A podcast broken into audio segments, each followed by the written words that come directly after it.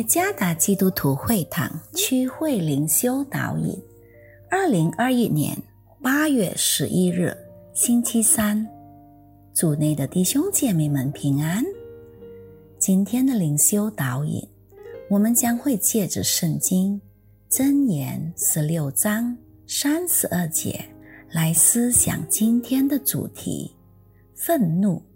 作者陈良春传道。箴言十六章三十二节：不轻易发怒的胜过勇士，制服己心的强如取成。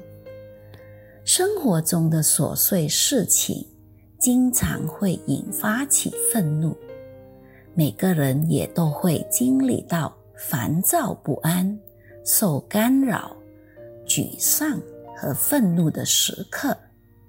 成年人会发怒，孩子们、雇主、雇员，甚至牧师也会发怒。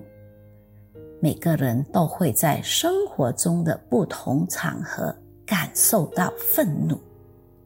在这个新冠疫情大流行期间，网络媒体报道有家长在教导孩子们在网上学习的过程中。失去了耐心，他对自己的孩子勃然大怒，然后痛打他致死。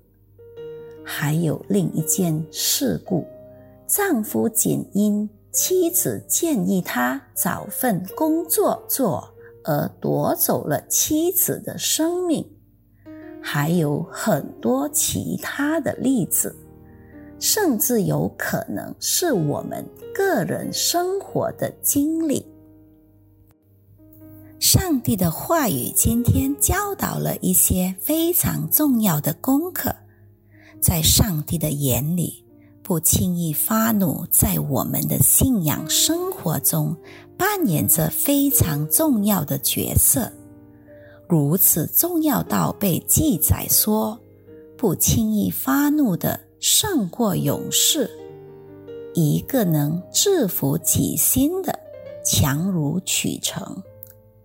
为了让我们的生活不受到愤怒的指使，我们需要不断操练自己，运用见识，这样我们才能摆脱愤怒的约束，而得着自由，制服己心的。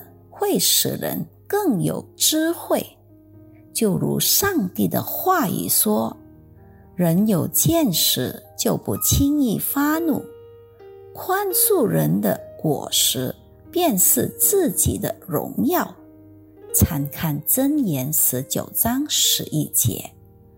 当然，更重要的是，我们需要时时刻刻祈求引导。节制和圣灵的指引，愿我们的生活不再被不健康的愤怒辖制，让我们尽量不要被我们的愤怒来指使，不轻易发怒，看起来比无法控制的愤怒更为美。不轻易发怒，有着成熟的考虑。和明智的行动。新冠疫情大流行期间的局面确实不容易度过，但让我们一起在爱里同行和互相勉励，千万别被愤怒来指使，唯有培养好自己的耐心吧。愿上帝赐福于大家。